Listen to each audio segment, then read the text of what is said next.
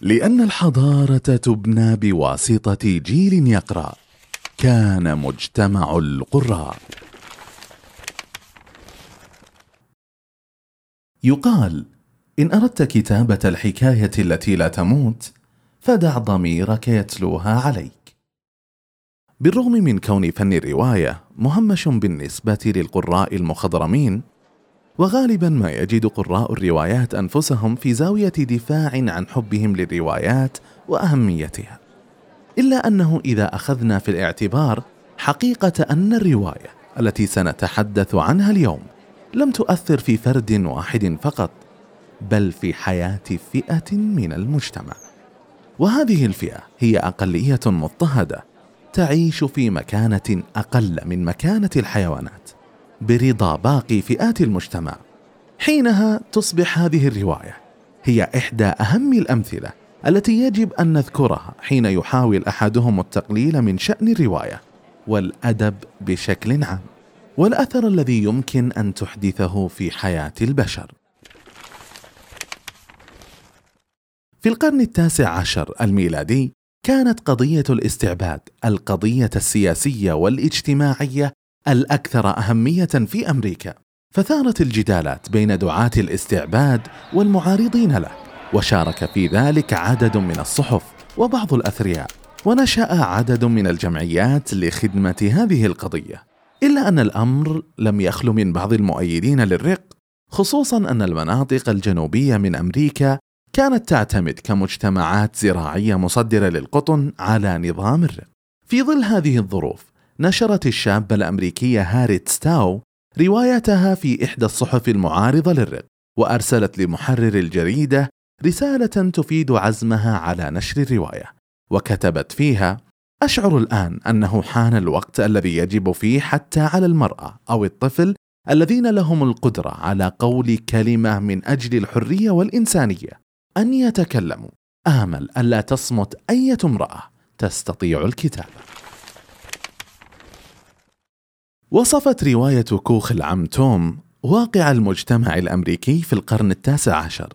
المجتمع الذي سخطت عليه هاريت وحاولت بكل جهودها تغييره حيث ليس للعبيد أي حقوق إنسانية. يعاملون معاملة المتاع وترتكب بحقهم الجرائم تحت عين السلطة وبسيادة القانون. يفتقدون إلى أبسط الحقوق كالحق في الزواج وتكوين الأسر ونظرة الاحتقار والدناءة التي يرمقهم بها الأسياد كمخلوقات دنيا لا تستحق المعاملة الإنسانية فضلا عن الحب. ويخضع لهذه المعاناة كبيرهم وصغيرهم فيفصل الأطفال عن أمهاتهم ليباعوا هنا وهناك.